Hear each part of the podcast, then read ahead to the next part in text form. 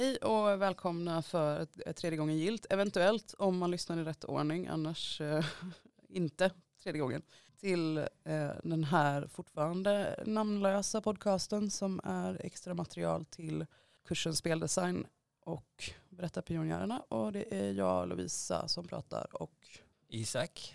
Precis. Och den här gången får du gissa vem som jobbar var. Det tänker inte jag berätta en gång till. Uh, och nu tänkte vi prata om Hjälteresan så länge vi bara kan. Så Hjälteresan, vad Isak uh, berätta för mig vad, vad det är. Hjälteresan är? Ja. Det kommer ju från Joseph Campbells uh, The Hero with a thousand faces. Som är en jämförelse av en massa mytologier för att eh, skapa vad han kallade för the monomyth. Alltså en gemensam vad ska man säga, struktur för alla myter som eh, folk har trott på i eh, tusentals år. Så eh, gamla berättelser eh, och religiösa berättelser och vad de har gemensamt. Och det de har gemensamt är hjälteresan. Precis. Så ett slags system som man kan applicera på berättelser men också ett system som många använder idag för att skapa berättelser. Ja. Och om jag inte minns helt fel så är det väl så att det är Star Wars som är det första som skapades uttalat direkt efter den. Den första stora, säkert någon ja, innan. det beror på, men ja. Det är en tidig eh, sak och det är eh, väl ganska många Hollywoodfilmer efter Star Wars som har försökt följa Heroes Journey. Precis, väldigt många ja. skulle jag säga. Eh, oftast, det ska ju sägas att oftast så görs det på ett väldigt ytligt sätt. Man följer eh, rubrikerna men inte nödvändigtvis metaforerna eller på, på det djupa sättet. Ja, och beroende på medium så används det också på olika sätt. Om vi tänker typ i spelvärlden så är du, är du helt enkelt oftast hjälten. Ja, alltså eh, skillnaden mellan olika medium är ofta att eh, fokus på olika delar av eh, journeyn i mm. Heroes Journey är eh, annorlunda. I spel så kommer du till the first threshold oftast det första som händer. Precis, här är det också en varm rekommendation att om ni inte kan Hjälteresan utan till redan så googla Heroes Journey och eh, ha den eh, uppe på skärmen så ni kan följa med. Ja, för det blir bara, eh, vad säger man, trite om vi bara listar stegen. För det. Ja, precis. Så jag, tror, jag tror också åtminstone speldesign har hört det några gånger mm. nu. Berättarpionjärerna har hört det en gång. Om man inte har gått om kursen som många av våra elever gör, går den flera gånger, då har man hört det flera gånger. Precis, så att det här är en, nu är det en tävling mellan våra ja. olika deltagargrupper om vem som kommer ihåg bäst vad vi har sagt. Ja, men eh, ja, i förr i tiden, och med förr i tiden så menar jag på 70-talet, mm -hmm. alltså äldre böcker, började så som The Hero's Journey gör med The Ordinary World och uh, The Comet Call to Adventure som monomyten uh, säger att det ska göra. Ja. Tänk Sagan om ringen. Precis. Man spenderar mycket tid i The Shire innan man får åka iväg på den spännande resan. Det görs ganska sällan nu för tiden oavsett medium egentligen. En väldigt lång The Ordinary World. Därför att man vill komma till det göttiga. Ja, det har jag full förståelse för. Ja, men eftersom att spel är eh, interaktiva. Jag skulle säga att spel är det göttiga. okay. I do not disagree. Nej. Men eh, man börjar i alla fall oftast med ingången till the other world i spel. Det är klart att det finns många spel och många olika typer av spel men väldigt, väldigt vanligt i alla fall man gör Precis. det. Det är sällan att du börjar med att spela runt i den vanliga världen ja. Eh, utan, utan förmågor, utan äh, vägledning i någon jättelång tid. Men alltså, det har också att göra med att äh, det finns ett rationellt fokus på löftet tidigt i ett spel eller en berättelse för den delen.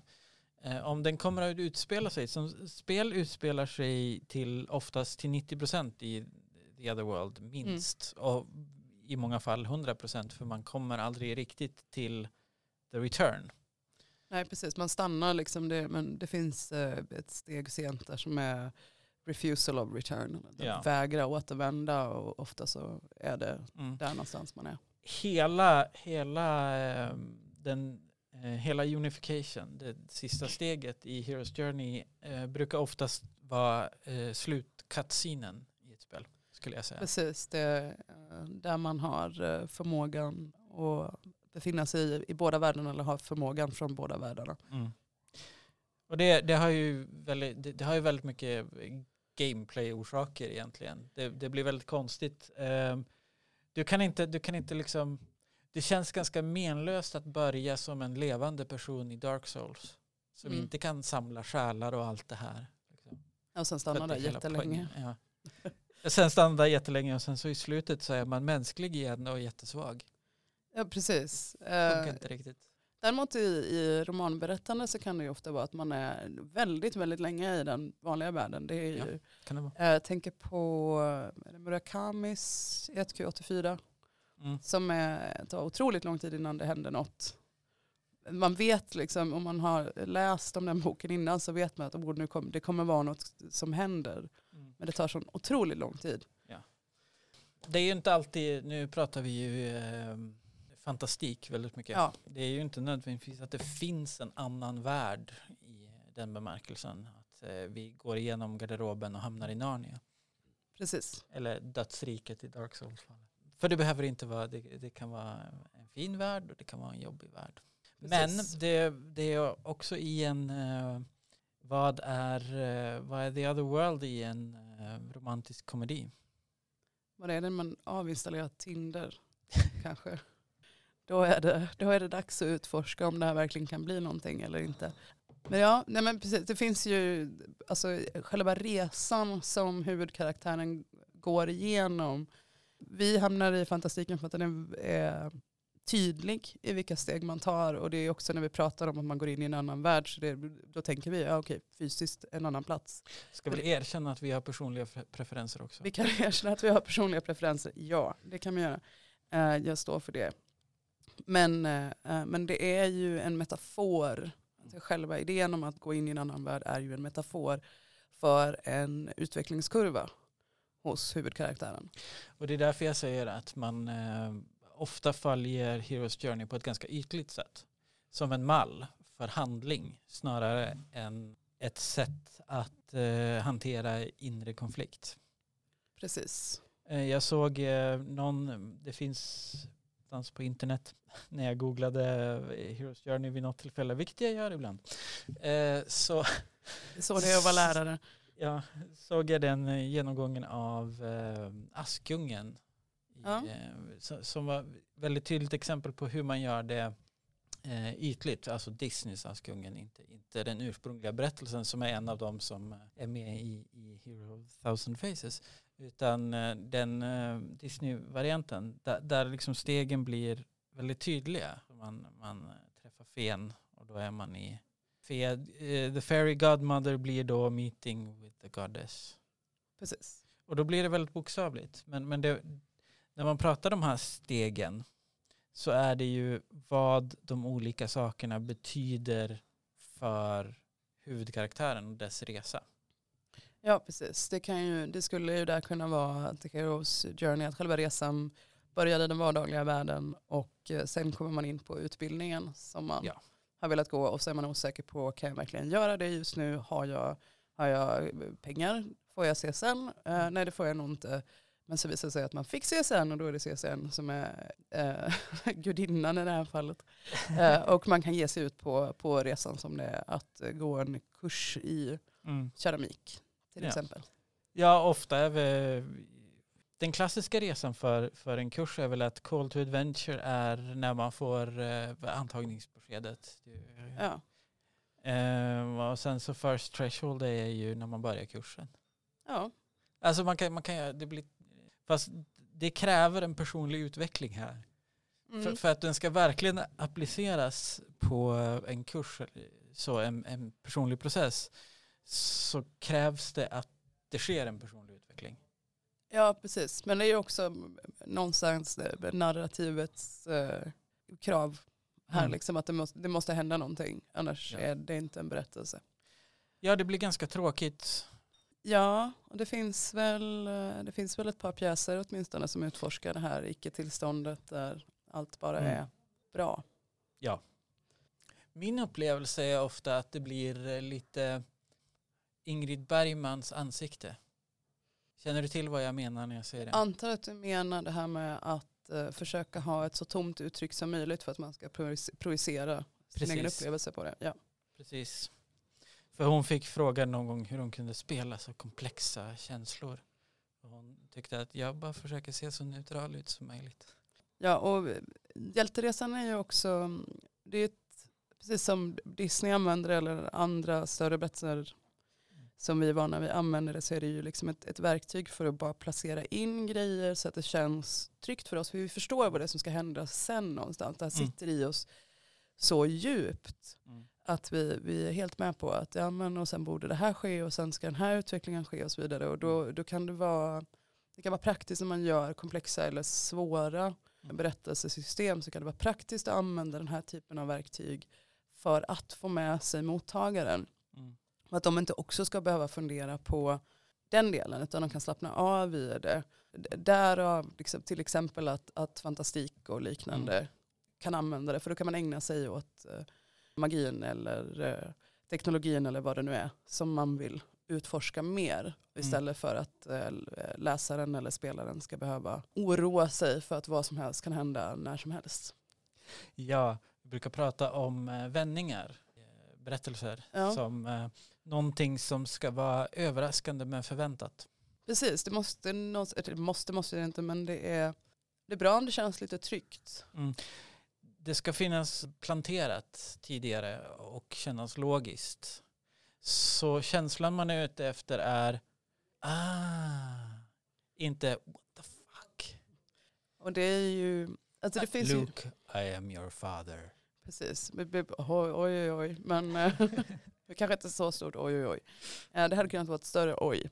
Mm. Eh, och det, det är väl en stor, alltså det är hela de här magic circle eller magiska cirkelgrejerna, liksom alla de där verktygen Mm. ger ju oss som skapare plats. Vi, vi ger en plats till mottagaren att våga ge sig in i berättelsen och vi ger en plats till oss själva att våga skapa berättelsen Mm. och utforska den i, i, i sin helhet. Hur använder man bäst det här verktyget då?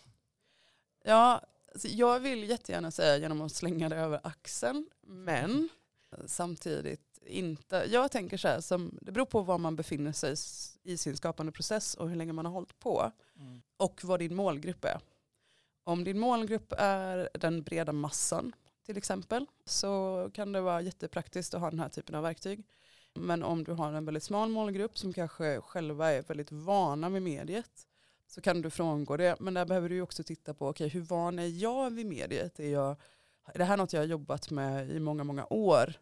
Då kan det vara bra att lägga den här typen av verktyg åt sidan för du kan förhålla dig till det Mm. och utforska, utforska någonting annat utifrån att du vet hur det här brukar se ut. Mm.